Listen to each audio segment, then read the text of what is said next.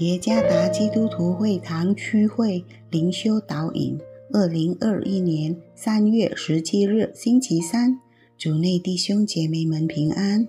今天的灵修导引，我们要借着圣经传道书第三章十一节来思想今天的主题。虽眼睛看不到，但却深信不疑。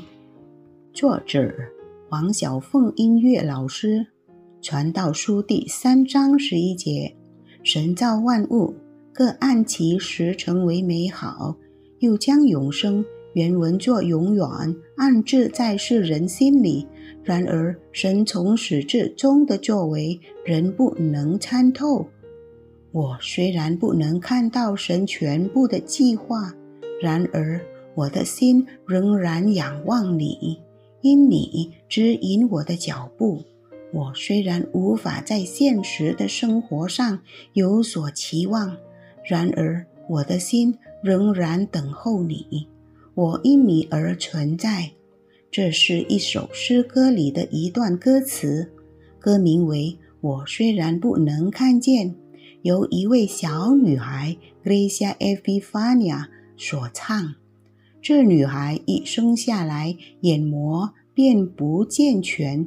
因此，失明、生理上的残缺并不能妨碍他唱出这首美好的诗歌。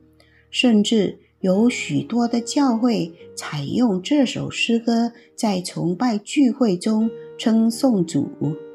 歌词如此动听，让大家信心得到坚固。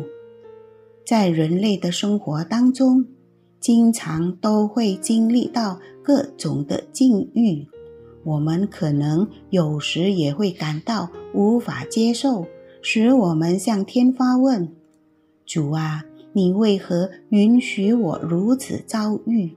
其实我是侍奉你的人，我执行你的真理，尽心爱你，也与别人彼此相爱。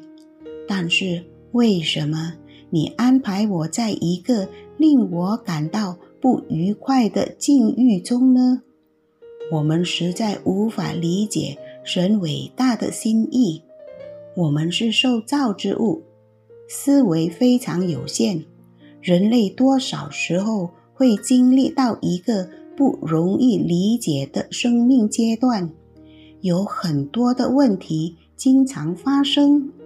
可是我们却无法明白其中一切的原因，我们很难从神那里看到他在我们痛苦、忧伤和患病中的背后为我们预备正面的事。我们信心的考验便是在此。神透过他的真理赐给我们信心的力量，因此。我们虽然不理解，也未领会到神的心意，但信靠他度过了一切难关。当以信靠的心与在主基督里完全交托，我们将会明白，神在我们的生命中已赐下了最完美的福分。虽然我们仍活在一个沉重的环境里，我们也不能一直都活在我们的理想中。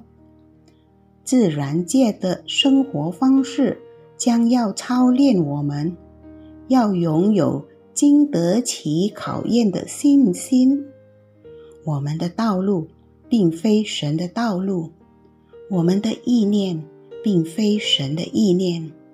然而，到了最后，我们便要跟随神的道路，与在他的意念中享受他的同在，因为我们信靠他。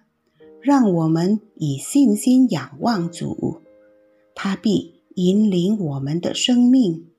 虽然现在眼睛未能看见，但是我们深信不疑。虽然眼睛未能看见神在逆境后面的旨意但从神而来的信心引领我们恒久相信与交托。主耶稣赐福大家。